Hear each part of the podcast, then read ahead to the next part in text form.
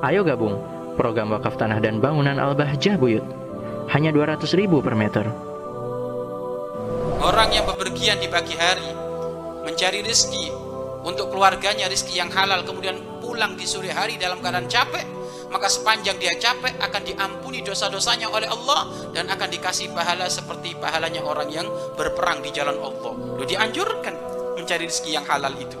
Tetapi ingat, kamu mencari rezeki yang halal itu sesuai perintah Allah. Ada ada ada peraturan yang sudah ditegakkan oleh Allah. Jangan kamu mengambil yang haram, ambillah yang halal, maka harus kamu patuhi. Dan kalau kamu sudah mematuhi tata cara usaha ini, maka kamu tidak perlu mengandalkan usaha ini, tapi andalkan kebesaran Allah. Lu itu orang tawakal itu. Artinya apa? Kerja nggak kerja, aku mengandalkan Allah. Apalagi kerja, aku tetap mengandalkan Allah.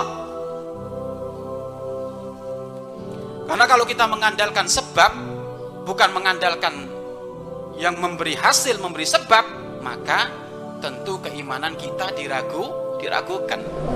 Mari berinfak untuk operasional lembaga pengembangan dakwah Bahjah Buyut.